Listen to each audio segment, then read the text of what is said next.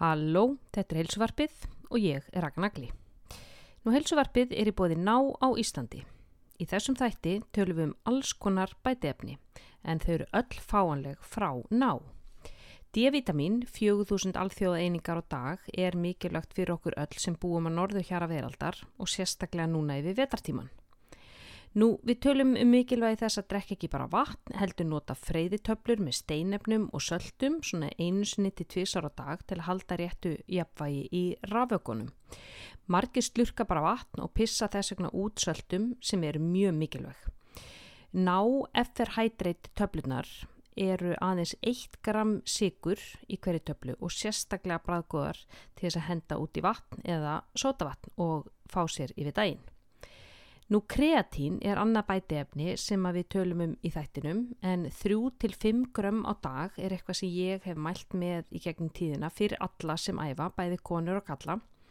Það er ekki einungis mest rannsakaðasta bætiefni á markanum og hefur verið marg sínt að virki en nú hafa rannsóknir sínt einnig að það hefur jákvæð áhrif á minni hjá eldra fólki sem og hugrana getu hjá almenningi. Nú návörðnar fást á háverslun.is en eins finniði ansi margar návörur í heilsuganginum í Netto. En Netto er einmitt annar styrtaræðileg heilsuvarpsins.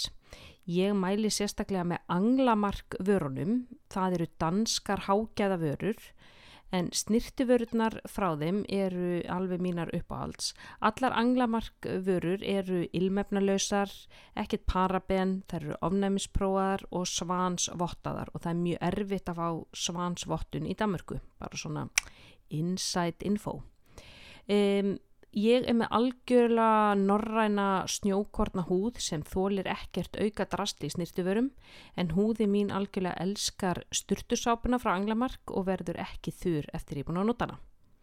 Nú ég mæli með að hlaða niður samkaupa appinu en þar eru reglulega afslættir af hennum ímsu vörum og þú sapnar innegni hvert skipti sem þú vestlar sem að nota setna til að greiða fyrir vörur á kassanum. Stef hilsuvarpsins, fallega ómþýða stefið sem þið heyrið eftir kynningunam og þannig til þátturum byrjar, það er samið af Arnari Boga Ómarsinni. Gestur hilsuvarpsins að þessu sinni er Erlendur Jóhann Guðmundsson engaþjálfari.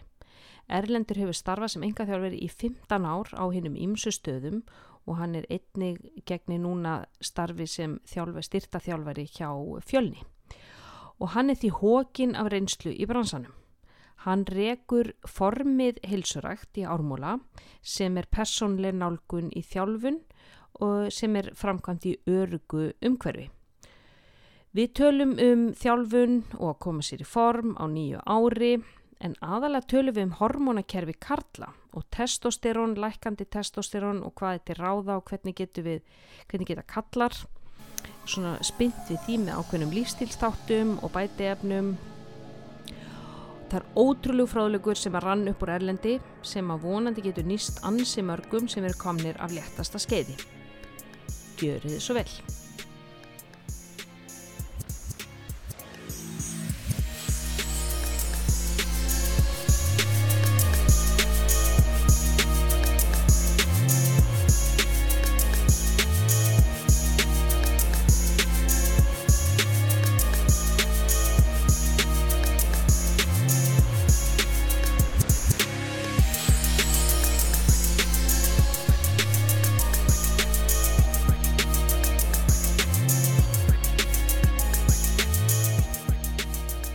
Jæja, velkomin í helsuvarpið, hlustundi góðir. Hér er ég með alveg frábæra gæst hjá mér, Erlendur Jóhann Guðmundsson, eigandi að formið helsurækt, er það ekki rétt hjá mér? Jú, mikið rétt, mikið rétt, gleðilegt nýtt ár, gaman að heyri þér. Gleðilegt nýtt ár og velkomin í helsuvarpið. Takk fyrir. Já, heyrðu, þú bara, bara takk fyrir að gefa þig tíma í að tala um svona koma sér í form á nýja ári og, og allt sem að við kemur svona hilsu og líka sætt út náttúrulega hókin af reynslu. En segðu kannski hlustendum aðeins svona frá þér. Já um, ég er auðvitað búin að vera eins og segir þó nokkuð lengi svona í þessum þjálfunar bransa og, og, og helsu pælingum um, lengi vel enga þjálfaði ég hérna í Reebok Fitness og aðeins á undan því með minna eigin aðstöðu svona í, í skúr sem ég sett upp á með svona prívat aðstöðu og fór svo yfir í world class og svona með alls konar, alls konar sett upp á þjálfun þar þannig ég, ég hef þjálfa svona gríðarlega breiðan hóp fólks og mikið af fólki gegnum árin mm. svona komið við hér og þar, þú veist, farið í crossfit hérna, þjálfun og, og svona endurhæfinga meðsla, forvarnir og dýft tannu svona í, í hitt og þetta í gegnum árin. Uh, styrtar og fitness-þjálfari hjá, hjá fókbóltaliði líka í dag og, uh, og reg formið, helsurækt, þarna í ármólanum. Það sem eru með svona lokaða prívatstöð, litla hóptíma sem er svona nánast eins og hóp enga þjálfun og, og bara virkilega góð stemming þar og, og gaman að vera. Já, þannig að þú ert, þú ert þar alfarið núna og eru þið margir þar sem eru að þjálfa?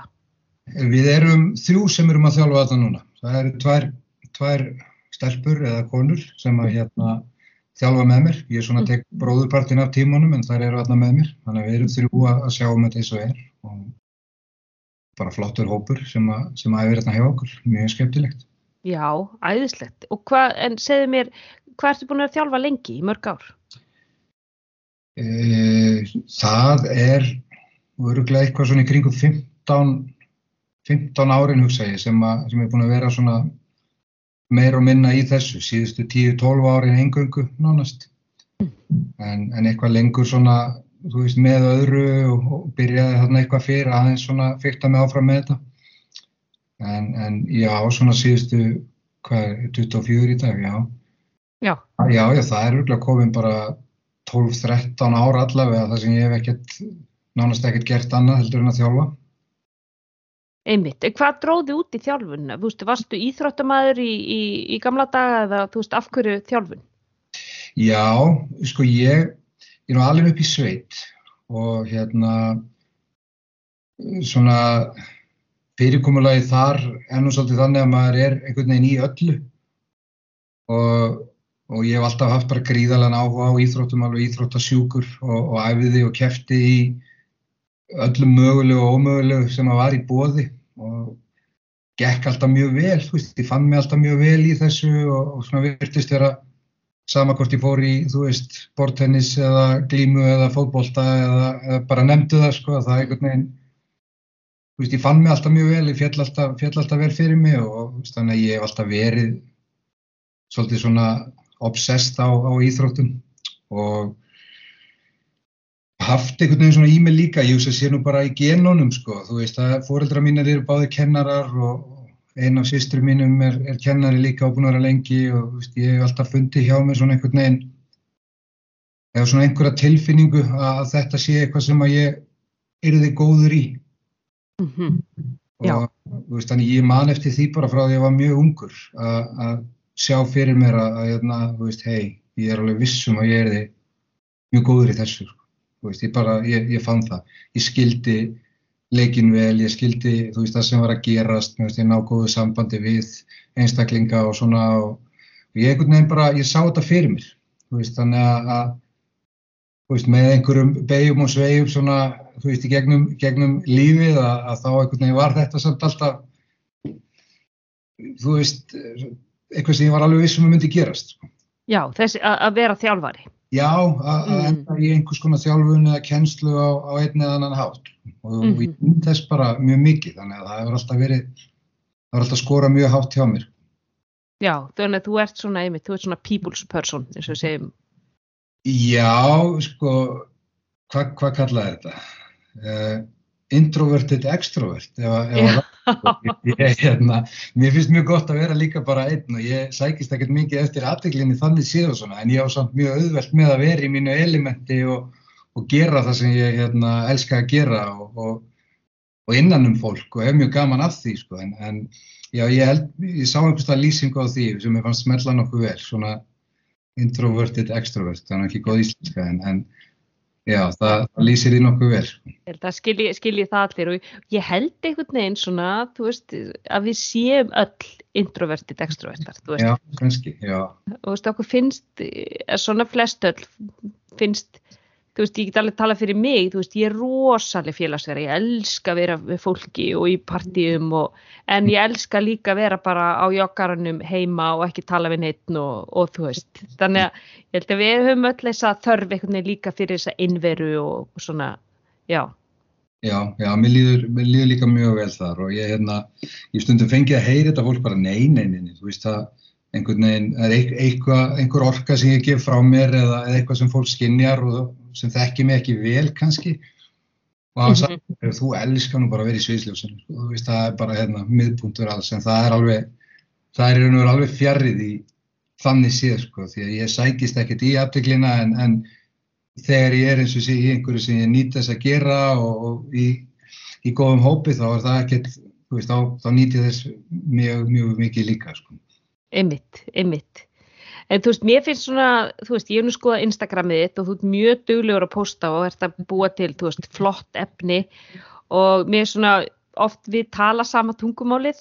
Já, ok. Þú veist, það er svona þessa, þetta, þetta langtíma, þessi langtíma hugsun þegar kemur að hilsunni og reyfingu og mataræði og þú veist, að þetta ekki í þess að skyndilöstnir allar mm. og við sjáum það einmitt svona fólk eins og ég og þú og þú veist sem erum búin að vera í þessu alveg svona stanslöst í tvo áratí eða meira að það er ekki fólkið sem er á keto og föstum og þú veist lágkálvetna og þú veist skilji það er ekki þessi sem er að hoppa á hvert einasta mataræði veist, það eru við sem erum bara að gera þetta svona nokkund veginn bara svona vel svona 90% vel mm -hmm. en erum að halda okkur við það ár eftir ár eftir ár í ára tíi Akkurat Það er hvernig nærð þú einhvern veginn svona predika það inn í þína skjólstæðinga, Þessa, þetta motto?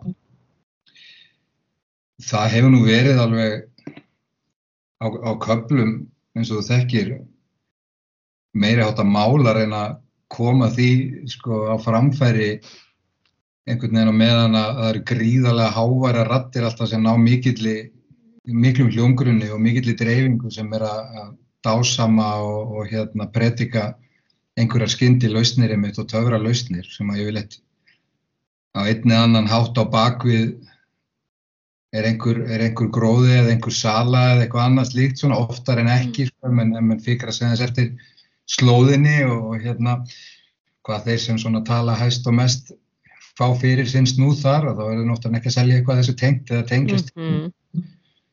og, og það er bara eins og því miður er svo ofta þegar fólk er desperate, þegar fólk er örvendíkafullt og er búið að reyna margt og jafnvel árum saman og aftur og aftur og mistakast og þá er það alltaf tilbúið að heyra eitthvað sem að hljómar rosalega vel. Og svona þú veist þessa töfra skyndilaust, þessa, þessa leið sem að bara búm, herri, þetta er alveg málið. Og, og það, það hefur alveg verið bara þó nokkuð málstundum að reyna að krafsa sig í gegnum það sko þegar fólk kemur með þetta inn og mér finnst besta leiðin til þess bara svolítið vera, þú veist, aftur svona sletti bara practice what you preach svolítið að, en tala af skinnsemi og svona reyna bara á, á rólegan og yfirveðan hátt að svona fara með fólki í gegnum það, þú veist, hvað gerir gott til lengri tíma. Hvað við höfum séð sem afleðingar af þessari og þessari og hinni nálguninni sem eru mjög aukafullar og það getur maður bæði tekið oft ofinbér dæmi eða dæmi í kringum sig og, og bara hafa eigin reynslu. Að svona reyna svona að seittla því inn veist, einhverjum, og, og sá einhverjum fræjum um að hérna, þetta sé nú kannski ekki alveg málið. En, en eins og þú veist það var náttúrulega fítan sem var upp á endir alls íls og svo tóku kolvetnin við og svo þú veist tekur þetta við og, og það er oft bara hellingsvinna að vinda ofan af þessu hjá fólki og, og fólk hefur kannski náð einhverjum árangri skyndi árangri með einhverju lausninni en, en lendir svo á þessum vegg og og krassar og allt springur og, og fer örgulega oftar en ekki lengra tilbaka heldur en þar sem það byrjaði, bæði handlega og, og líkamlega. Og, og þegar þeir að reyna að koma sér á, af stað aftur þá, þá tekum maður ofta móti einstaklingum sem eru með ofsalega svona brenglaða nálgun og, og óheilbrikt samband við mat og sjálfansi og brenglaðar hugmyndir um það hvað aftur má og má ekki og er bannað og, og mm -hmm. slæmt og allt, allt þetta neikvæðnis hlaðna gildi sem einhvern veginn er búið að tengja við veist, ákveðna fæðutegundir oft eða þetta og hitt og, og það er oft ótrúlega djúft á því. Ég einhver tíma sáu þau einhverja breytingu þarna og það er alveg spólandi í þessu sama hjólfari um að ástæðan fyrir því að þau séu orðin svona núna aftur er bara að því að þau, þú veist, fóra að borða brauð aftur eða, mm -hmm. eða duttu í sukulæðistykkið aftur eða sigurinn, þú veist, það, það, það er alveg ennþá tilbúið að halda sér þar að, þú veist, ástæðan fyrir þetta gekk ekki og þau eru að svona slæmast að aftur núna sé vegna þess að þannig að þetta bara er svona eins og ég segi hægt og bítandi að reyna svona bara að fræða og mm -hmm. ekki reyna of mikið að svona passa sig að fara ekki ykkur orðaskipti og átök sko þú veist þú reyna mm -hmm. að fara baka leiðin að því að lauma þessu svona inn og, og sína þeim bara sko. Einmitt, að því að sko mataræði þetta er bara á næsti bar við trúabröð. Já. Þú veist, þetta er, þetta er sko ég held að mataræði, trúabröð og fótbolti Þetta er svona viðkvæmustu efnin að, að tala vegna þess að fólk verður, það er bara svona, það giftist mataræðinu sínu og, og þú, maður þarf þetta að tróða mjög varlega, þú veist, í kringum það, hvernig nálgast ég þetta vegna þess að einmitt þess að þú segir, það vill oft kenna bara einhverju einu um, þú veist, þetta eru kolvetnin, nei, þetta er súkulæðið og ég verð þá bara að sleppa því öllu. Mm -hmm. og, og ég get greinlega ekki borða þessa hluti vegna þess að þá fitna ég bara. En þetta eru margir, margir samverkandi þættir mm -hmm. sem að, þú veist, og ég sá einmitt sko, svolítið áhugavert sem hann postaði hann Lane Norton, fylgjur honum? Já, já. Já, já algjörsnið, ég er búin að fylgja þessu manni síðan 2007, ég bara elskan mm. og hann sagði sko, amerikanar borða 3500 hittæningar á dag þú veist þetta er svona, eh, svona eh, rannsóks eða gerð og þeir reyfa sér 20 mínútur mm þú veist eh, þetta er engin gemvísindi að, að, og þú veist og svo eru koma einhverju gúruar fram havramjöl er ræðilegt ávextir eru fullir af einhverju, þú veist, ég veit ekki ísokínó, ble ble ble einhverju eða glíkofísat eða þetta skilu, það er þessi hræðslu áraðu bara um, um vennileg matvæli þú veist, nei krakkar þetta er ekki brokkolið og þetta er ekki havramjölið, þetta er ofmargar hittæningar og oflítil hreyfing mm -hmm. þú veist, þannig að koma því einhvern veginn inn hjá fólki er getur einmitt verið erfitt og eins og segir á þess að lenda í einhvers konar átökum við skjólstæðingi sinn. Já, já, já, algjörlega og þetta er svona, þetta er svona fín lína finnst mér ótt á milli þess að þú veist það er gott að vera algjörlega reynskilinn með það hvernig þetta virkar án þess að verða þó oft hæknilegur og missa þau ekki og sama tíma svona þetta bara aðgátt skal höfði nærveru sálar vegna þess að ætla ekki að fara að tróða einhverju, vera bara næsti gæi sem ætlar að fara að tróða einhverjum sannleik inn í þig sko sem er búið að prógramera hitt að maður þarf að finna svona þessa leið inn finnst mér til að bara ná til þeirra þannig að allt í einu og ég sé þetta oft sko að allt í mhm. einu náði eitthvað í gegn -hmm. svona þá sér maður það á andlitinu á eða hvernig við fara að hugsa allt í einu og, og svara og þá svona fara að spá já ok, hann er þetta, þá við kannski spurning allt í, sko. þannig að þetta er mhm. kannski ekki máli svona heldur þarf að pæli þessu, það eru svona litla vísbendingar sem maður finnur þegar maður er aðeins að ná í gegn. Og eins og ég segi bara forðast þessi svona eitthvað fram og tilbaka og fara í eitthvað debat því að þetta er, þetta er alveg eins og að lýsa á þann þetta er orðið eins og hálfgerð trúarbröð oft að búið eins og sé búið heila þó bara gjörsanlega sko heilu hópa, hópana fólki þarna og, og það þarf bara vanda sig svolítið við að, við að ná til þér aftur sko, með skinnsemi og, og svona, svona dassa af einhvers konar punktum og fræðslu sem að maður heldur að kannski geti kveikt einhver ljós. Hvernig skjólstæðinga ert þú með? Þú veist, getur þú svona líst svona demografíun, ertu bara með alls konar fólk eða?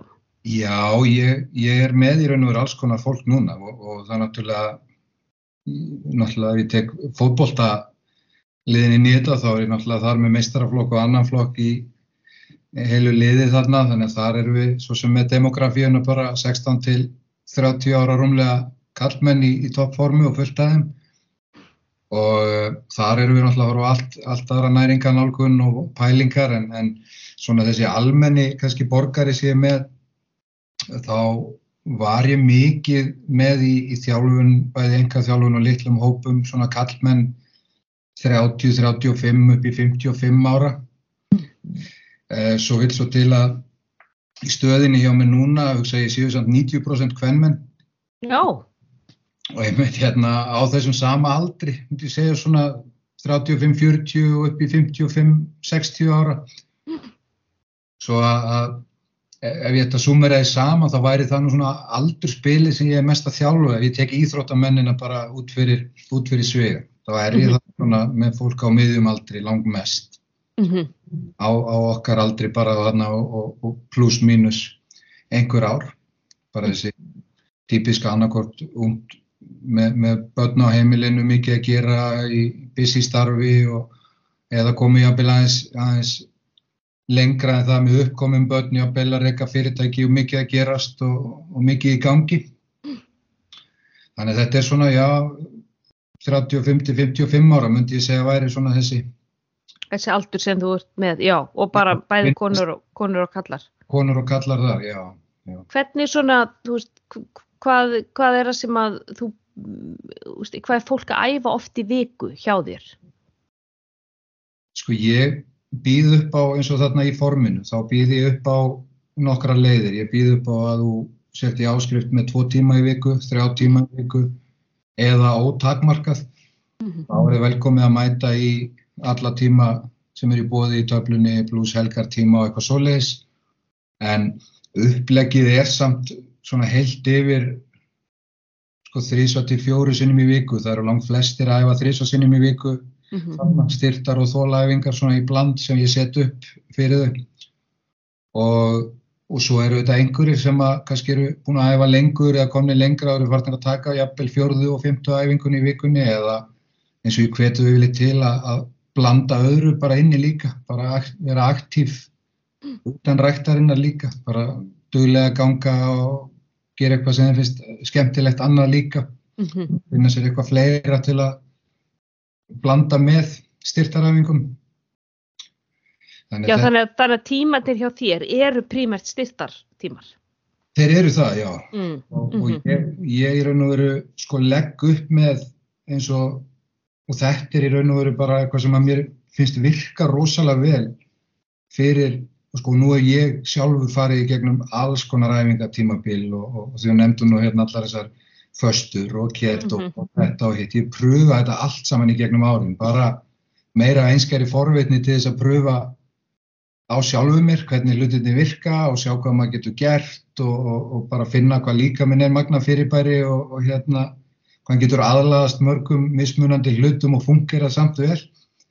Og, og eins með æfingar að hérna þá hef ég svona í gegnum árin tekið alveg svo gott sem allan skalan af æfinga, hvað er það að segja? Æfingaformum. Já, æfingaformum, já. Mm, mm.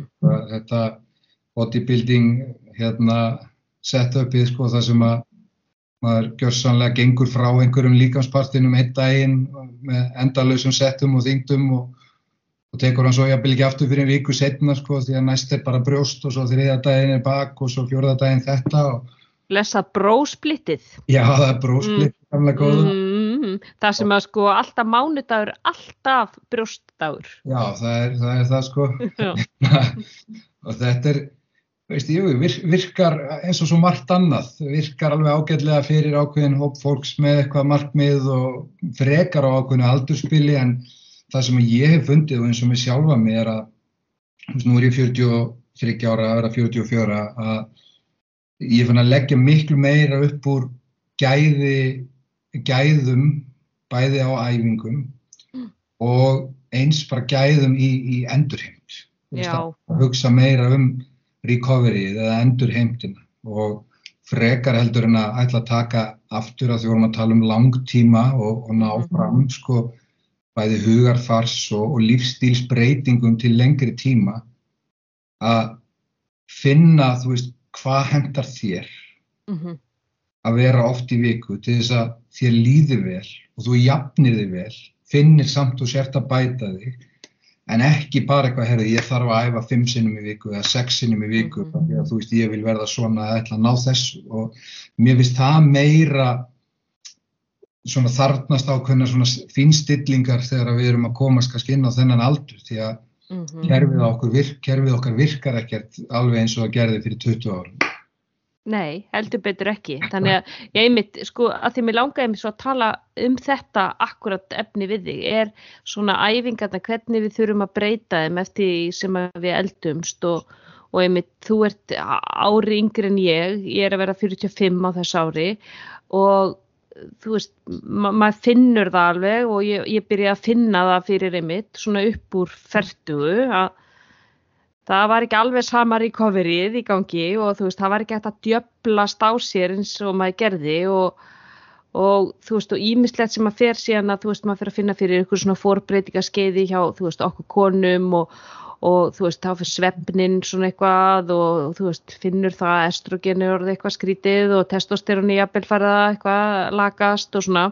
Og þú veist, ef við tölum um kallmenna, veist, hvað er það sem að þeir finna fyrir það, því þú veist, við erum, við erum, við erum svolítið að komast út úr þessu tabúi með breytingarskeið, þú veist, við erum fann að tala eins meira um það, þú veist, konur hættar hætt að kvísla þetta bara í einhvern saumaklubum, en mér finnst ennþá vera bara svolítið mikið vera að kvísla um kallmenna, þú veist, þegar testostjórnir dettur niður og hvað áhrif það hefur á þá, ekki bara, ekki bara líkamlega, líka andlega. Já, klárlega. Já, þannig getur aðeins svona frætt okkur um það, bæði kannski út frá þinni reynslu og, líka beð þínu skjólstæðinga. Já, já, heldur betur sko, mér finnst þetta mjög áhugavert umræðefni og, og ég hef svolítið svona tekið þetta síðustu 2-3 árin meira við mína skjólstæðinga og ég var líka svo heppin að ég fengi að vinna með svona kollegum mínum bæði frá Breitlandi og Bandaríkjónum og, og annars þar líka út í Evrópu í, í svona stórum hópi af, af þjálfurum sem eru komnir kannski svolítið langt á sínu sviði. Og þar virtust menn vera komnir lengra einhvern veginn í umræðinu um þessi mál, fannst mér heldur en hérna heima. Og, og þetta eins og segir, þetta tabu að tala um þetta hjá kallmönnum, það er alltaf verið bara þessi stimpill einhvern veginn ef að bara minnst er á testosterón hjá kallmönnum, þá er það beintengt bara við einhvers konar steraneyslu og mm -hmm. það settur í einhvern flokk þar að það þórir engin að minnast orði á þetta tengt kallmenn hjá kallmennum að það sé eitthvað mögulega að þar eða þurfum mögulega að nálgast það eitthvað mm -hmm. og það er einhliðin á þessu svona þessi, þessi stimpil sem að automatist kemur á mm. sem betur fer heyr ég meira um þetta líka hjá konum núna eins og þú veist að segja að það er ekki lengur bara að vera pískur um þetta, þú veist konurnar sem æfa hjá mér, sko það er segja mér hægri vinstri frá því hvað er að hrjáðar núna og hvernig þetta er og hvaða læknist þær fóru til til að skoða þetta því að breytingarskeið og var að upplega þetta og þetta og fá þessi lifið í, þú veist, þetta er orðið, þetta er orðið miklu opnar sem betur mér. Mm -hmm.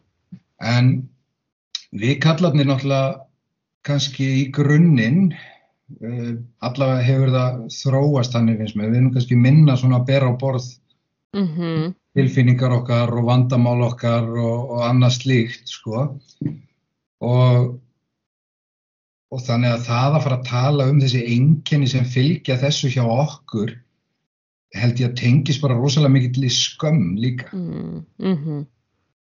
og, og þar að leiðandi eru er gríðarlega margir kallmenn þú veist, ég ætlaði að segja strákar nú, ég finnst það gaman, en þau er en þú veist, þetta getur alveg byrjað að droppa bara upp úr þrítu þó að sé nú sjálf færri sem eru þar. En það, það getur byrjað að eiga sér einhverja prósenda hnignun á testosterónlevelum hjá kallmannum upp úr þrítu. En algengast er nú held ég að það sé umferdugt, það sem að þetta svona byrjar að uh, droppa um hvað er talað um 1% á ári eitthvað svoleiðis svona einhvers konar meðaltal sem að mm -hmm. það mhm. er jaft og þjætt niður þannig að þetta kannski hittir okkur ekki eins og breytingarskeiði hjá kvennmönnum það sem kemur bara búm mm -hmm. svolítið harkalett högg mm og mikið dropp sem verður bara á mjög skömmum tíma -hmm. heldur er þetta svona uh, svona hægt og bítandi á leiðinni niður ef við gerum ekkert til þess að sportna við því, hvort það eru lífstíðstengta breytingar, veist, æfingar, tala við einhverja tengt því og veist, eitthvað á mótið því, að þá jafnvel eikst þetta bara einhvern veginn og áhrifin aukast og þú, þú festist bara í þessu. Og, og þetta eru bara hlutir, veist, ég hef rætt þetta við, við lækna sem að ég hef unni með og, og þetta er bara, þú veist, strákarnir og kallmennir er ekkert að fara að mæta í gimmið almennt og segja bara að, að þú veist, þeir finni minni kynkvöld og, og er Mm honum upp og, og hérna hvaða áhrif það er að fara að hafa á sjálfströstið og sjálfsmyndina og, og, og þar fram eftir götan. Þannig að þetta er rosalega viðkvæmt topic hjá kallmennum en sem betur fer finnst mér og minnst frábært að fá að tala um það líka við þig hérna og þú veist, finnst mér aðeins vera að opnast á að menn séu tilbúinir að segja frá. -hmm. Þú veist, þó að fara í ykkur að dítela að þið fáið þó allavega vísbendingar um það eða hafi einhvern svona, eitthvað safe space, þú veist, einhvern, einhvern sem þið treysta, sem þið geta þá nálgast og komið inn á þetta við, vegna þess að þetta getur bara mjög, mjög alvarlegar afleggingar. Þú veist, það Við erum alltaf að horfa á, þú veist, að hans að fara í eitthvað mjög þungt hérna, þungan veg með spjallið en, en bara andlega líðan Já, og allt því tengt þegar þú finnur að, að kannski kynorkan þín er allt í einu á leiðinni niður, þú nærð honum ekki upp og sambandið eitthvað í, í steik því tengt, hvort sem þú ert í sambandi eða bara einstæður eitthvað, Mm. þú veist, kvíði, þunglindi, mm bara snjóboltin getur farið að rúlla ansi harkalega út frá út frá einkennum og, og, og svona hlutum sem eru tengdir þessari minkun á testosteroni hjá kallmann.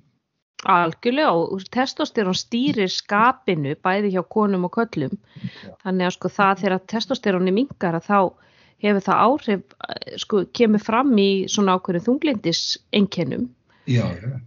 og þegar kynkvöldin mingar og þú veist fyrir karlmann að finna það að þú veist kynkvöldin er lægri og það er einmitt, eh, það eru rís vandamál og þá fer hann að forðast kynlífið, konan heldur að það sé vegna þess að hún sé ekki nógu sexy eða hann sé að halda fram hjá eða skilur þetta að skapa spennu í sambandinu og hann á erfitt með að tala um þetta, neðið mitt eins og segið, þetta verður snjóbolti sem hleður utan á sig án þess að gera sig grein fyrir. Hér er bara mjög einföld skýring á því sem er að gerast. Mhm. Og, og þú getur jafnvel fengið bara einmitt löst málaðina með því að fara til læknis og fá þá viðeigandi úrræði. En þú veist hvaða úrræði er í bóði, hefur þú eitthvað kynntið það? Já, ég hef nefnilega til dæmis rætt við, við lækna hérna bæði sem hafa nú bara verið hjá mér í þjálfun og tekið spjallið og er maður bara að ræða þessi mál fram og tilbaka og, og eins hérna hjá kollegum minnum sem ég nefndi hérna í, í Breitlandi og, og Bandaríkjanum svolítið. Og til dæmis eh, ef ég, ef ég tek sem dæmi tvo sem ég vann mikið með að núti þeirra fyrsta í raun og veru skiliði ef að þú ert tölum bara um kallmenn núna, kallmaður yfir 30-35 ára sem ert að koma til mín í þjálfun þá er það fyrsta skiliði til þess að bara taka uppaflega viðtalið í raun og veru og starta ferlinu er það að þú farið einn að lista og þú þarf að fara í blóðpröfu og í þessari blóðpröfu þar vilja þeir að það sé farið yfir ekki þessa klassísku, þessi klassísku þrjú fjögur gildi sem að maður þurft að gráta út hérna heima alltaf til þess að fá. Heldur við erum kannski að tala um 30-40 gildi það verður að kanna allt mögulegt stöðu á öllum mögulegum þáttum í líkamannum og, og blóðpröfu er náttúrulega bara gull standard á því að segja okkur hvað er að gerast í, í hérna, líkamannum, annars erum við náttúrulega alltaf gískandi bara fram og tilbaka út frá einhverjum einkennum sem við erum að reyna að lesa í að það geti vanta magnísjum, kannski játn og pétból og, og jari jari, en bara farur í blóðpröfu og í þessari blóðpröfu láttu kanna hormónagildin í það líka veist, það er ekki endilega alltaf testosteroni sem er að getur verið skjaldkirtil, það getur verið einhverja aðrar ástæður sem að íta undir eða valda sömu einkennum.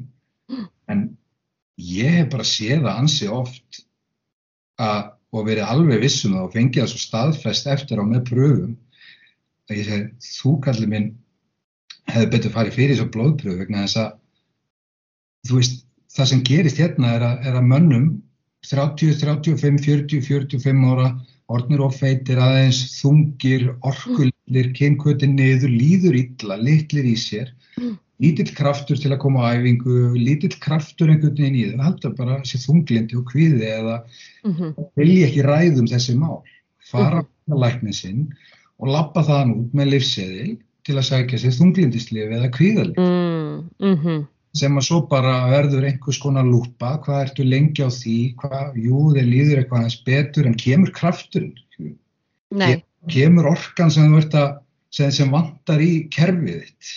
Nei, og kemur kynnkvötin, nei, hún verður örgulega læri líka af þessu þunglítislíf. Já, hún verður læri eða eitthvað. Þú veist, kemur, mm -hmm. kemur dræfið í þér til þess að fara og mæti rættina núna og, og, og gera eitthvað í þínu málum og breyta lífstilstengu þáttunum. Nei, oftar en ekki gerist það ekki. Mm -hmm. Og í staðin eru þá kannski þarna bara fastir í einhverju næsta stígi sem er þá bara þunglindis og kvíðalif í einhvern ekslangan tíma. En aldrei var tekkað á hormonastatus eða testosterónlegur mm. einstakling. Mm -hmm. Þetta hefur, hefur bara sagt við mig fagmaður á þessu sviði sagt ég get, ef við værum opnari fyrir þessu hérna heima að, að þá er ég handvissuð að sagana að stór partur af þessum karlmunum á miðjum aldri sem við höfum verið að senda út með, með þunglindis og kvíðalif og annað slíkt eru ólágir í testosteróni, allavega einhver partur af þeim ef við höfum bara meðhendla það sem slíkt að, þú veist, mm -hmm. þá mhm. er miklu meira fyrir það. Mm -hmm. Er tíman að fara að livja þá upp með, með einhverjum plástri, sko, til þess að ekki að ganga rót vandans. Einmitt, einmitt. Það er eiginlega magnað að það skul ekki vera mælt bara strax að þetta sé ekki bara viðverðinni bjalla, ok, mælum líka testosteroni, mælum þessi, þú veist, androgenísku hormón líka. Algjörlega. Mm. Og, og það, eru, það er mjög skýr uh, listi af engjennum sem að benda til þess að þetta sé. Þetta getur, eins og ég sagði áðan, getur partur af þeim lista, lista líka átt við um eitthvað annað sem er að gerast í líkamann. Það getur verið aðrar ástæður fyrir því. Mm -hmm. en, en hann er samt mjög skýr þessi listi sem að getur bent til þess að, að hérna, þú sért lár í, í kallhormónum hér og, og svo ertu komin kannski með svolítið mikið framann að þetta orðin og þungur þetta verður, það hefur líka neikvæð áhrif á framleiðsluna, eigur, eigur framleiðslu og öðru hormóni sem við viljum ekki fá mikið á og lækkar testosteroni þú veist þannig að og þar er aftur snjóbolti sem fyrir að rúla mm. og ekkert er gripið inn í þarna mm -hmm. þá eru bara hansi margir sem að festast þarna og, og hérna, sem er í raun og verið alveg sorglegt sko vegna þess að það eina sem þarf að mínu mati er bara að opna á þetta og, og tala um þetta. Já, opna umræðuna og eins og, eins og einmitt hjá, hjá konum, þú veist að það sé þessi svona, við erum orðnar, orðnar dugleiri, það er, það er komin, þú veist, alls konar hlaðvörp þú veist, sem eru bara sérstaklega fyrir breytingaskeiðið, við erum með Gina Medica sem er svona þú veist, prívat klínik sem snýst engunga breytingaskeið hverna með stóra Instagram Instagram, þú veist, profíla sem er fræðsla, það vantar eitthvað svona fyrir kallmenn þú veist, að það sé ein, einhvers konar stöð sem að sérhæfi sig í kallmönnum þú veist, með svona vandamál, að því að Jú, ég minna auðvitað er breytingarskeið hvenna miklu eh, starra og meira ferli en, en ég, ég veit það ekki, kannski ekki, þú veist, ég minna kannski erum við að horfa líka á að, að kallmenn hafa kannski bara verið svolítið, bara orðið svolítið útundan í þessari umræðu og því þú nefnir breyta á bandaríkjum, minnst þess að í bandaríkjunum þá er þessi umræða miklu opnari og það er einhvern veginn miklu viðkjöndar að fara á þetta TRT, þú veist, testosterone replacement therapy eða HRT, þú veist, eitthvað hormone replacement therapy. Og, og það, það er ekki þetta sama, ég byrti hvað ertu bara styrum með það, skilju, það er, það er ekki, þetta er orðið svona bara viðkjönd og, og normaliserað, finnst mér miklu meira heldur en á, á Íslandi. Já, já, miklu meira og það á einni annan hátt þá, þá hlýtur það að vera tilkomið vegna aukinar umræðu og, og þar mm -hmm. meiri skilnings og þekkingar almennt á, á málefin. Vegna þess að ef ég hugsa bara einhver ár tilbaka, þarf ekki einu svona að hugsa langt þá pældi ég einhvern veginn ekkert í því að kallar færu einu svona inn á einhvers konar breytingaskeið mm -mm. ég, ég var bara, ég var í raun og veru bara að fatta þetta núna af því að mm. síðustu ára hef ég alveg sko kafað helling í þetta og kynnt mér þetta og spáði í þessu svo bara ef ég aðeins núna spólaði tilbaka, þú veist, það er ekkert mörg ár Nei. þá myndi maður alltaf eftir og það var alveg vitað að konur fara á breytingaskeið og mm -hmm. þetta var aldrei talað um að kallmenn færi eitthvað, eitthvað svona ferli í raun og veru og þurfti að díla við þessa hluti og hverjar afleðingar þess gætu verið.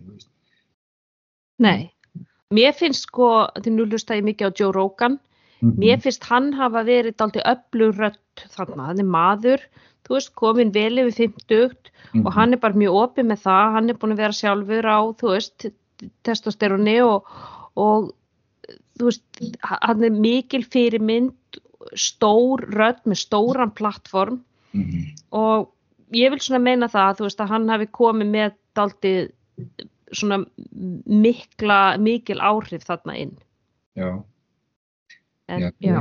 Ég, ég skinnjaði ákveðna ennþá svona ákveðna hræðslu og fordóma fyrir þessu hérna á Íslandi mm. Vist, ég, ég hef rætt við einstaklinga aftur svona fagmenn hérna á Íslandi sem að eru sammála því að við séum eftir á þarna, þeir eru sammála því að við þurftum að stíga upp og, og gera betur í þessum málum en ég skinnjaði samt hjá þeim að, að þeir mæta einhvers konar sko, þeir mæta mótspinnu ef að þeir fara eitthvað að, að reyna að tala með þessu eða, eða mm. inn í samfélaginu sko, inn í, inn í fagstjetinni og, og ef þá eitthvað er að taka þetta lengra og það stýrist svolítið af, myndi ég halda að hluta til að einhvers konar gamlum úrældum hugmyndum og, og mm.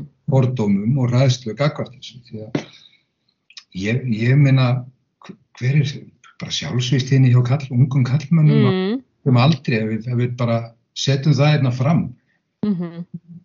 það, það er alveg galið eins og þú segir að kallmennir hafa glemst þarna við tölum um kvíða og þunglindi og vanlíðan og, og alla þessa þætti Já og þá komum við að því að þú veist það er alltaf þessi skömm sem fylgir því að tala um vandamáli sín þegar þú ert kallmaður mm. vegna þess að það, þeir, þeir mæta oft eh, bæði frá sínum, veist, sínum jafningum og frá foreldrum að verði ekki að þessu væli, hvað ertu kelling eða skilu, hvað ertu að væli yfir þessu, hvað nær kallir honum ekki upp, hvað ertu ekki kallmaður, skilu, þannig að það er bara, þeir veigra sig við því að bera þessi vandamál á borð af óta við hvernig því verður tekið og hvort það hefur verið smánaðir og hvernig því verður, þú veist, hvort það, það því fylgir skömm og, og byrju það er bara eitthvað að mér, ég er bara ekki nógu mikið kallmenni núna.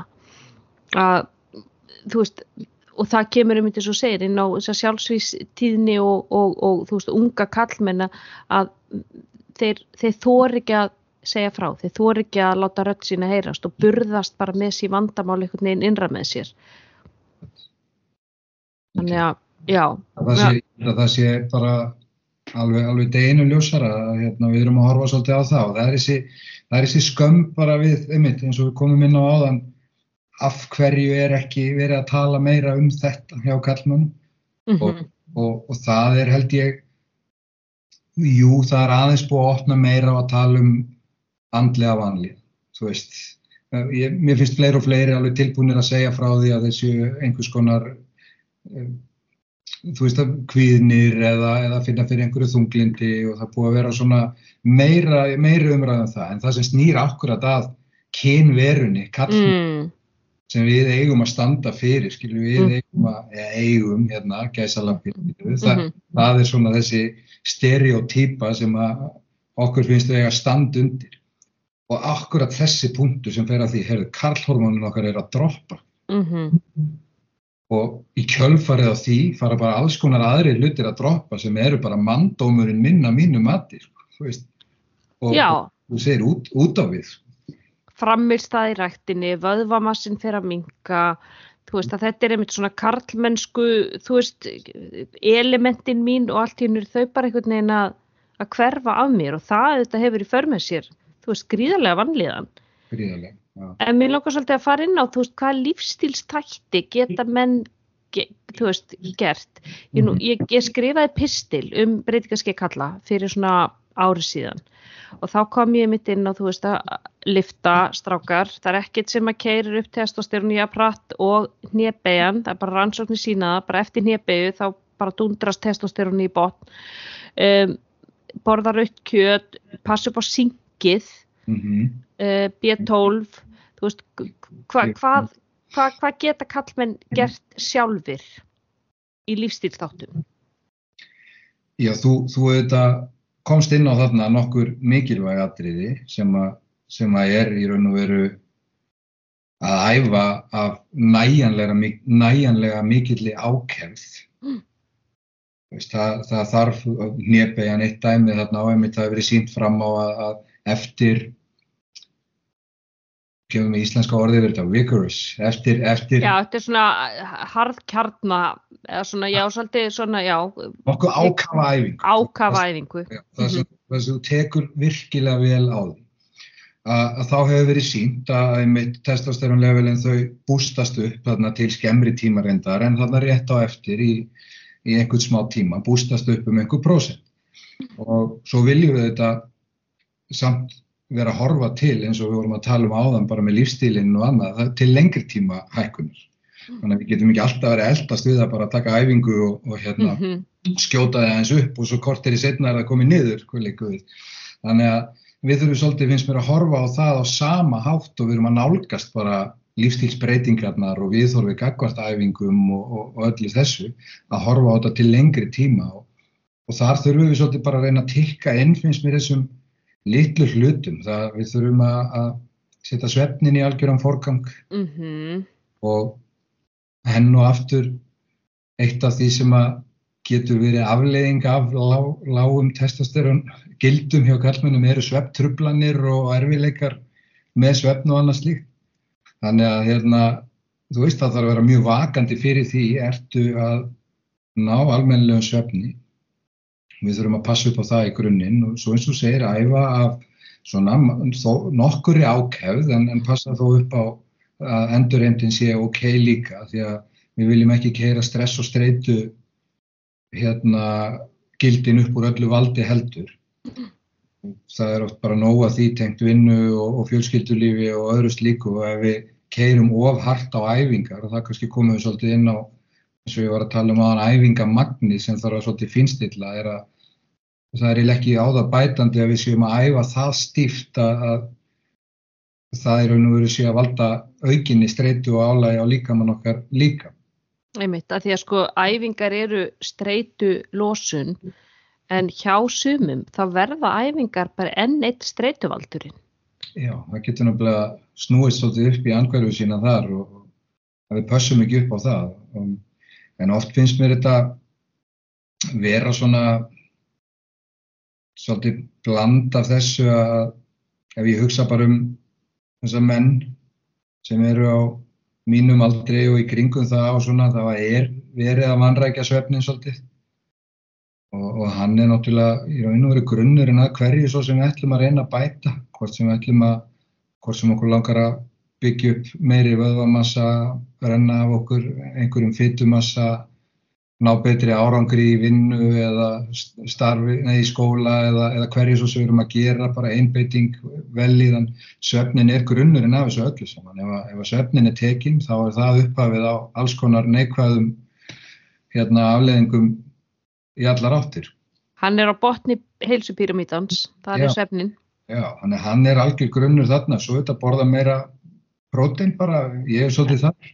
Það er líka sko, sko með svefnin að það er náttúrulega í svefni losast vakstarhormón sem að mm. byggjur upp veðan okkar og að það eru rannsóknum sem sína bara svifta sko drengi sem eru sko 18 ára, þú veist, með præm testó allt í botni, mm -hmm. þeir eru sviftir á svefni úr 8 tímum nýri fjóra, bara í eina viku, þá droppa testóði hjá þeim um 50%. Já, spáðið því. Já, og þetta er bara rannsók sem að Matthew Walker, sem er nú eitt fremsti sveppsérfræðingur í heimi, að hann gerði og, og þarna sínir að bara svarta kvítu hvað sveppnin er gríðarlega mikilvægur þegar að þú veit með menn sem eru sko í blóma testó mm -hmm. að þetta við þetta mikil áhrif bara á einni viku. Getur ímyndaðir... Um 50% með því að klippa fjóra klippa tíma. svefn, já, að frá átta tímum Já. Niður í fjóra, þannig bara klippa á niður í það að þeir séu sko það sem við kallum svona vannsvefta og þetta bara eftir eina viku, þannig að þú veist það eru margir sem er einhvern veginn að reyna að þrauka á einhverjum 5-6 tíma svefni á hverju einustu nóttu í marg, sko mörg ári jafnvel. Mhm. og, og testosteróni hjá þeim, þú veist, bara það að laga svefnin, það er, þú veist, örglega eitt af því mikilvægara sem að, einmitt, í þessu lífstílsbreytingum. myndi ég, myndi ég algjörlega halda fram sko að hérna það er eiginlega með ólíkjöndu hvað eru margir þarna. Svona ef maður, maður hugsa aðeins út í það. Með þetta er svo fjóra, fimm þú veist max sex tíma bara aftur og aftur og aftur og aftur. Og þess vegna er þetta mér finnst þetta svo mikið það er auðvelt að segja það en þetta er bara, þetta er ákvörðun sem mann þurfa að taka vegna þess að þú veist það er enginn sem nennir að heyra það endilega en veist, ég náttúrulega er á því líka oft eru þessi sömu aðlar sem er að ströggla við þetta. Mér finnst þeir oft eiga það sammert að það er svona svolítið verið að sulla í áfengi líka og, og þú veist með þessu öllu einhvern veginn, þetta er orðið svona einhvern veginn þú veist næringin er lala það er svona mikið verið að grípa sér eitthvað þegar það er eldað þá er það mjög djúsi og það er oft vín með því og svo er eitthvað drukkið um helgar og veist, þetta er svona þessi lífstíl. Mm Og- og ef þú ætlar þér bara að fljóta einhvern veginn áfram í einhverju svona uh, já, ég veit ekki alveg hvernig ég á að lýsa því sem ég er að reyna að segja en, en þú veist það dugir þér ekki að koma bara og ætla að æfa þrís og fjóru sinnum í viku í klukkutími senn og, og halda það snúið öllu við. -hmm. uh, því að svo, svo kemur og svo bara eitthvað, "Heyrðu, það er bara ekkert að breytast og það er bara ekkert að breytast. Og svo líður annar mánuður og annar mánuður og jú, jú, styrkist eitthvað pínu en þú veist, það, litlar breytingar. Mm og þá er þetta bara oftar en ekki ef menn eru hreinskilni með það þú veist, þá, þá er einhvern veginn þá næst ekki að gera þessar breytingar á lífstílnum og venjónum svona dagstælega sem maður bara þarf að gera og þarf ennþá meira að pæla í því, því sem við eldumst Já, einmitt. Og, og mataræði náttúrulega, þú veist, hva, hvað myndir ráðleggja kallmönnum með mataræði?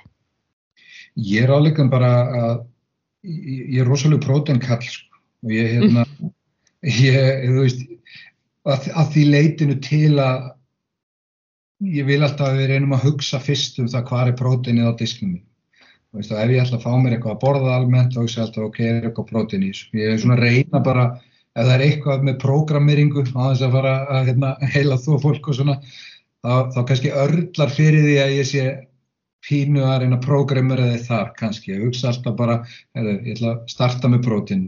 Mm -hmm. og það í grunninn, bara upp á að hindra vöðva niðurbrot og þú veist, heldur okkur jafnari, sattari og, og svona betri stöðuleika finnst mér að hafa bara sínt Mm -hmm. höldum því háu og, og alltaf næjanlega miklu að þá er auðveldara að finnst mér halda utanum og, og, og svona finna þennan balans, finna þetta jafnvægi með restina af deginum og, og í, í mataræðum og þá á ég líka yfirleitt bara meira svigrum fyrir því þegar að mig svo langar að panta með pítsu á, á eitthvað degi eða er að fara út að Mhm. Með konunni á, á þriðju degi, þú veist, við tökum bara einhver svona tilefni af því að þá ef ég er bara svona hár í próteinum og leifi svo bara svona kolvetnum og fytu að dangla þarna svona sitt á hvað Mm -hmm. svona skinsanlegu magni og reyna að velja vel bara Mm þá finnst mér persónulega og þeir sem að ná að tilenga sér það þeir, þeir virðast ná bara mun betri árangri finnst mér -hmm. Einmitt. Og, og, og, þú, svona, þú veist, hvað með svona rautt kjött, þú veist, sink, játn, B12, alveg bara einhver dundurbomba, prótínbomba, Já, er það mikilvægt fyrir testosterón framlýstu?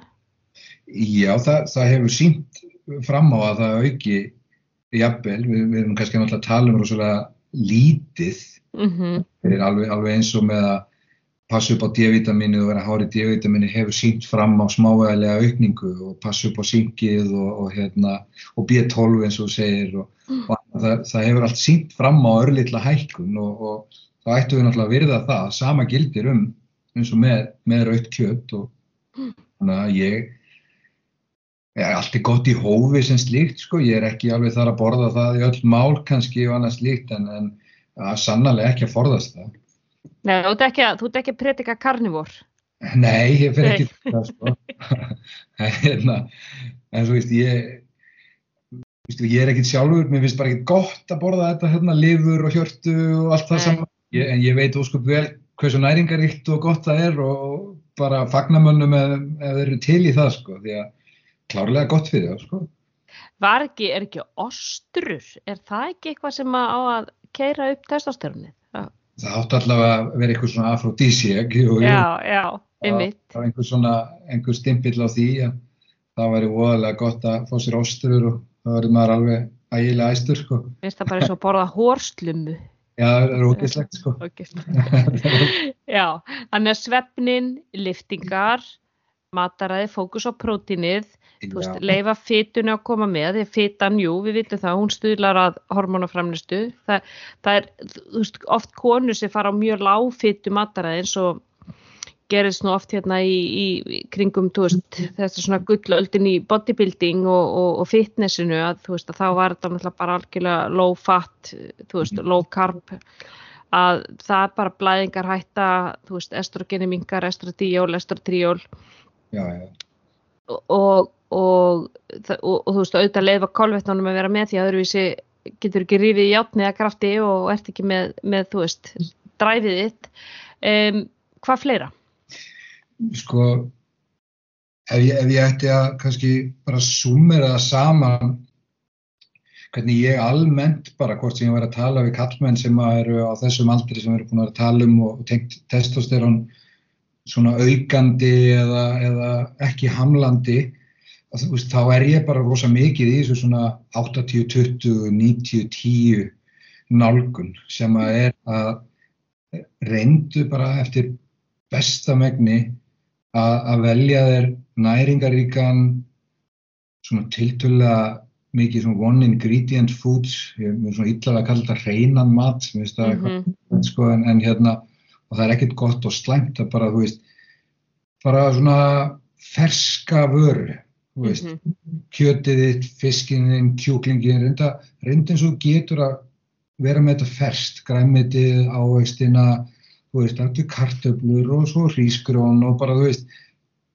ef þú gerir þetta að megninu til og reynir að velja þetta 80%, segjum þú sért bara í 70%, þá er þetta samt komin í fín mál með að við langt langt flesta.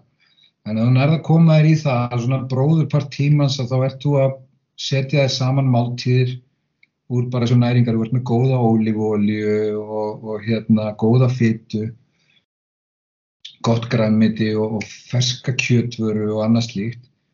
Að, að þá ertu bara í ansi góðum mál og mm. er ekki stanslust sullandi í því einhverju áfengi flesta dagvíkunar eða hella í því um helgar alltaf, þú veist það er ótrúlegu munur og náttúrulega ekki fara að predika hansku algjöra sem slíka Allir, allir að fara í stúku Já, rífu bókina hérna en, en við sko ótrúlegu munur sem þú sérð hjá einstaklingum sem að annarkort minka þetta stórlega eða ákveða að pröfa að kippis út í smá tíma mm -hmm.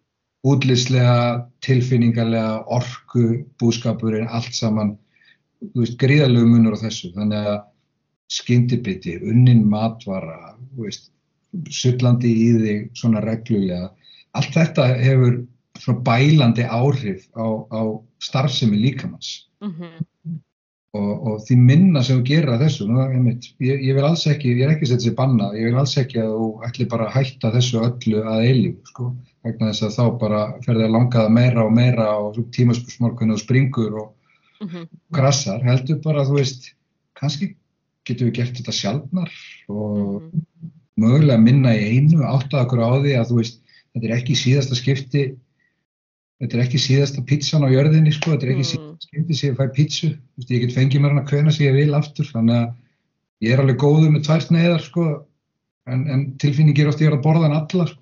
Akkurat, það verður svona sí, síðasta kvöldmáltíðasyndromið. Sérst, sérstaklega ef að þú ert með svona þessa hugsun gagvart mat að þetta sé bannað og þú sért að gera eitthvað rámt og þetta sé mm -hmm. meir ekki eða meir ekki mm -hmm. margkvælt, margkvælt líklegri til þess að tróða í þig miklu meira magni núna vegna þess að þú ætlar aldrei að gera þetta aftur. Mm -hmm. Svo sannarlega að gera eitthvað sem þú átti ekki að vera að gera þannig að ég get alveg eins bara tróðið þessu öll í mig núna og, og, og að því ég ætla ekki að gera þetta aftur bara marga mánuði eða svona. Mm -hmm. E ef að við erum bara náum að balansera þetta einhvern veginn út og átt okkur á því, veist, þetta verður alltaf allt saman í bóði og þú veist, því meira sem við náum að þjálfa bara upp neiföðvan okkar sko, þú veist, bara Mm -hmm. nei takk, það er bara eitt af sterkasta sem að getur þjálfað upp fyrst mér, sko. það er það er bara nei takk, hvert er þetta nei takk hvort sem það er við aðra eða bara sjálfa því Mhm. því betur einhvern veginn fer mann að líða og betur líður mér með sjálfa með að segja, nei, þú veist, ég, jú, jú, ég má alveg fá mér þetta en ég ætla ekki að gera það núna. Mhm. Og Það er svona einhvern veginn bara aftur, þetta jafnvægi, að finna þetta jafnvægi því að heildin verði svona nokkuð góð og, og þá var maður alltaf svirum fyrir eitthvað annað.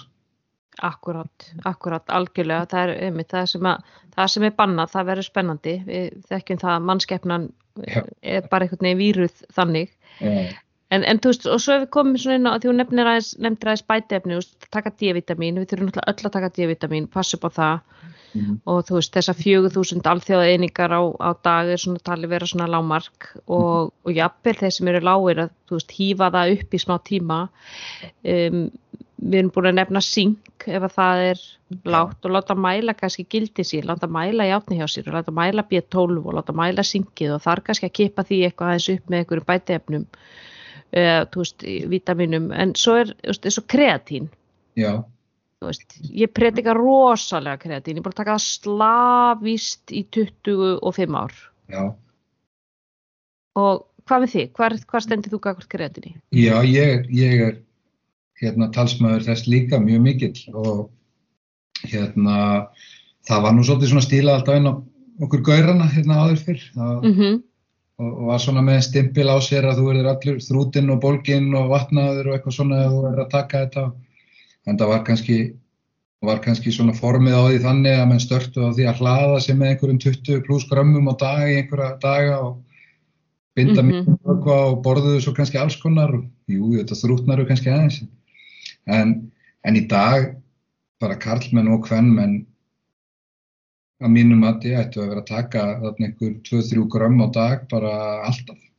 Já, ég held sé 3-5 gram sem er ráðlagt uh, sem er dagskamturinn og einmitt þessi hleðsla sem að, þú veist, þetta sem var í gamla daga, sko, taka 5 gram fjóru sinum á dag, vera einhvern veginn að hlaða inn 20 gram á dag, þú veist, að taka þetta freka bara eh, 5 gram á dag og þú finnur áhrifin eftir svona kannski þrjárvíkur þá.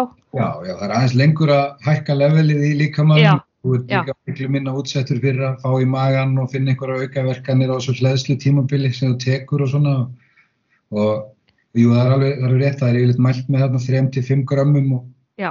ég held að sé ég vildi að setja svona um 3 grömm ég las einhvers staðar, ég þannig að fletta því upp að líkaminn ætti erfitt með að full nýta nema einhver 2,89 eitthvað data, já, já, já, já, einu inningi sko, en það er þetta að splitta því á daginn sko, já. en, en bara, Ég man einmitt það var einhver sem spurði mig, ég gerði eitthvað pistil um kreatín og sagði, getur maður ekki bara fengið þetta úr fæðinu? Mhm, Og ég einmitt fletti því upp hvað sem, hversu mikið þarf maður að borða til þess að fá þessi þrjú grömm og það var sko, held ég, tvö kíló af kanínu já, á, á dag, á dag, já, Já. já, Og þetta var eitthvað tvö og hálft kíló af, af kjúkling og einmitt og ég bara let viðkomandi vita, þú veist, jú, þú getur það ef að þetta er matseðliðin, skilur við. Þannig að þú veist, þetta er raunin eitthvað sem við verðum að fá úr duftformi, bara því Já. miður.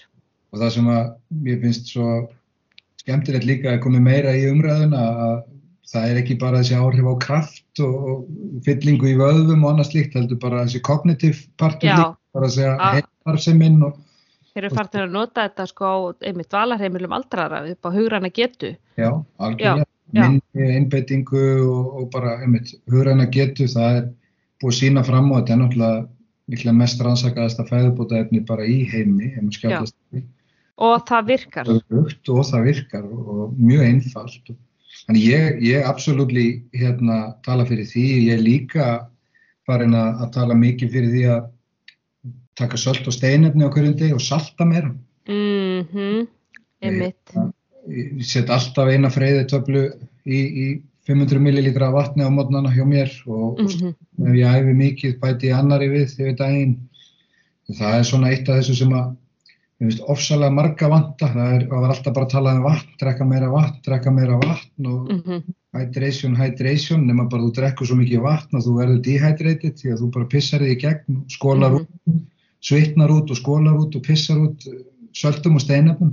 Mm -hmm. Við verðum að salta meira og við verðum að fá meiri söld og steinöfni inn í líkamannum bara með sjáarsalti, ég stundum svo hestur bara, ég set bara, ég búin á mér sem er saltstein sko. Já svo sleiki ég þetta bara sko. Já, ég er svona líka, ég salta og salta ég bara, ég tæti upp heilu saltbökarna sko og ég mani mig til þetta var svona alls ekki salta matiðin þú veist og það bara hefur áhrif á þú veist aldosterón sem að þú veist gerir því þrútnari mm -hmm. þannig að þú veist það, það, við þurfum þurfum söltin og eins og segir við þurfum líka kalium og, og, og natrium og, og magnísíum með þetta þú veist magnísíum fyrir svefnin Já og, og þú veist það er ímið svona bætefni sem að fólk getur en náttúrulega fyrst og fremst að stuðla að þessum hegðunabreitingum, þessum lífstílsbreytingum, fá líka dagspyrtuna, þú veist í allavega klukkutíma á dag, í göngutúrana, þú veist lækka streytuna, þú veist það er svo ótrúlega margt sem við getum gert með einhverju góðum vennjum og kallmenn til þess að stuðla betra testosteroni. Það er það og það er kannski að því nú getum við farið þanga líka eins og þú talum bara með hugleðslu og öndun og slökun og annað slíkt, þú veist, allt eitthvað sem að ég mætti bara vera döglegri að bæta inni hjá mér líka en, en það er kannski einn punktur þar að því nú við farið yfir alls konar mm -hmm. annað sem að væri ráðlegt að gera til að reyna að bæta helsu sína og, og þú veist, ef við erum að horfa á dropandi test og maður gera þetta, þetta, þetta og þetta og það er að passa sig að ætla kannski ekki að fara bara úr 0 í 100 á 3 mm -hmm. sekundum Tesla sko, þú veist það, það, hérna, það verður svolítið yfir þyrmandi, þetta er rosalega mikið af breytingum mm -hmm. Hvað myndir segja fólk að byrja á? Á, á hverju? Já Ég bara velja sér eitthvað eitt Ég myndi segja svefnin Já, ég, ég er klárlega þar að, að reyna að gera eitthvað til þess að bæta svefnin en samt að passa sig á því ef, ef þú ert vanur því að fara klukkan 1, hálf 2 eða 2 upp í og eitthvað sem er afleitt og horfa Netflix fram á því eða í tölvunni og vakna svo 6 eða 7 ætla ekki kannski bara að, ok, ég fyrir bara svo velli öll kvöld. Nei, nei, nei, nei eins og við annað, heldur bara lítil skref, litlar breytingar smátt og smátt og svona bara habit stacking eitthvað, þú veist, ok ef að fara hálf tíma fyrir núna alla þessa viku mm -hmm. bara slökka hálf tíma fyrr og getum við bara, getum við samið um það að klukkan eitt þá er slögt á sjónvarpinu og þú ert komin upp í rúm, þú veist, mm -hmm. þú ert alltaf búin að vera sopnum tvö eða hálf tvö eða eitthvað. Mm -hmm. Bara eitthvað svona, eitthvað svona smáræði til að byrja með, þú veist, litlar breytingar og, og reyna svona að lauma þessu, þú veist, eins og með D-vitamini, ég glemdi þessu bara í skúfunni, sett þetta á kaffevílinu, mm -hmm. sett þetta við hliðin á tampustaninu, sett þetta við hliðin á einhverju sem þú gerir átomatist á hverjum einasta degi þannig að þú getur ekki, hvorki sagt sjálfuð þér nýja mér að þú hefur glimt þessu því þetta var fyrir framann á auguna þegar þú tókst tampustæðinu upp eða setti kaffibotlaðin sem þú hellir þér alltaf upp á. Nákvæmlega. Þetta er svona lauma inn bara svona litlum breytingum og svo er hún komin upp í vana þá bætum við einhverju aðeins meiru við og aðeins meiru við og svona easy does it, hægt og bítandi að reyna að snúa okkur í rétta átt. Já, að við erum ekki með of marga breytingar og ekki of stórar breytingar og ég heyri með þetta að þú hefur lesið James Clear. Já, já, já. Habit stacking, við hekkjum það. Já. En þú veist, einmitt eins og þú segir að hafa þetta, þú veist, gera hegðunni augljósa. Þú veist, hvernig get ég gert það? Ég get haft, einmitt, þú veist, eins og ég geim alltaf magnísíum við hlýðan tampustan mín. Þá mann ég bara eftir því á kvöldin, ánum fyrir að sofa. Einmitt.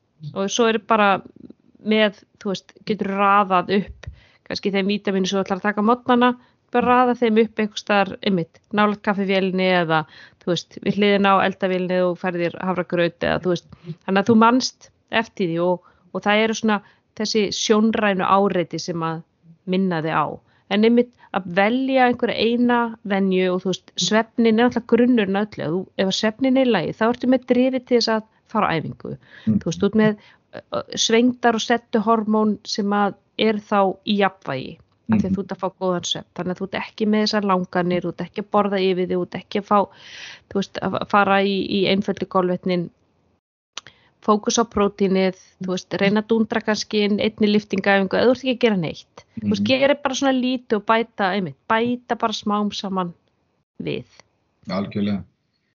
Þetta er nú kannski kannski svona það sem að sé mest með einmitt áramóta og nýjársheitin og svona, þau eru oft kannski allt og há, háleit og óraunhæf í raun og veru og þannig að það er svona að við fara af stað með miklar vonir og væntingar og oft kannski eftir einhverja daga eða vikna vanvirkni eða jafnvel margra mánada og svo bara dundra því öllu í gang hérna.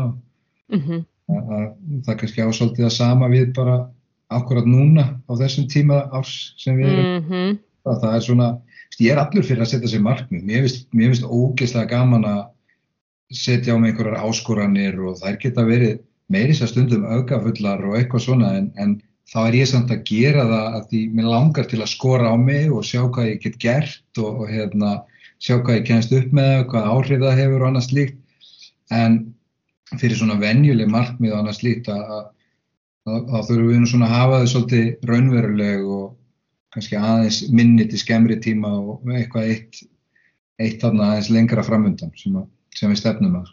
einmitt, einhverju svona dundra bara frekar inn svona þessum daglegu venjum heldur en að setja sér eitthvað rosalega óraunhæft stórt markmið og, og að því að það er líka vekur oft hjá okkur svona ákveð svona vonleisis tilfinningu, þú veist, já, ég náði ekki markmiðinu mínu enn eitt árið og ég er ég er einhvern veginn lúser og, og, og geti þetta ekki og, og þú veist, oft er fólk að setja sér sama markmið ár eftir ár eftir ár Já, já, Þannig að þú veist að þá þurfum við líka að skoða hvað er það hjá mér sem er að balda því að ég, þú veist, dett alltaf einhvern veginn út úr því eftir þrjá fyrir mánu eða þú veist, er það vegna þess að þetta er alltaf, er alltaf stórt og mikið. já, já, eða er eitthvað annað sem veldur því og, og hérna það er, það er svolítið svona maður sér þá oft að kemur einmitt sama markmiðið og, og, og svo einhvern veginn springur við þarna á því alltaf svipaðan tíma, endist eitthvað svipað lengi og, og en, bara mæta það einu sinni, veist, byrjaði bara að mæta og veist, sjá hvernig, það finnst og Eins og James Clear segir, gerðu heg- hegðunna svo auðvelda að þú getur ekki svindlað. Mættu bara í tíu myndur, byrjaði bara því, mættu bara í tíu myndur, fáðu hegðunna, fáðu vanan inn í tökjarfið þér og svo verður þetta auðveldara.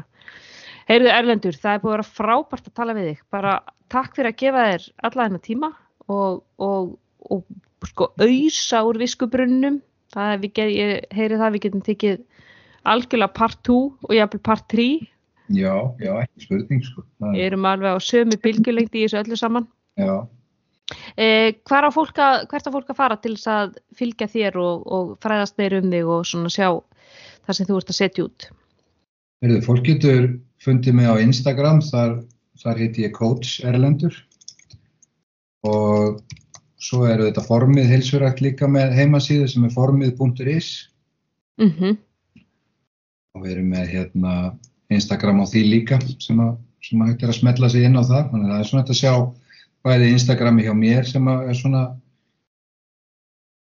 með stories og eitt og annað og svona og svo tekið svona rispur þar sem að einhver fróðleikur kemur þar inn og svo er þetta að fylgjast með stöðinni og, og því sem er að gerast þarna á formið.is Formið.is, formið heilsurækt á Insta, þú ert coach Erlendur á, á Instagram. Já, Ég bara segi bara takk kærlega fyrir að koma í heilsuvarpið og til ykkar hlustendur góður, takk kærlega fyrir að hlusta og þannig til næst, verið þið bless. takk fyrir mig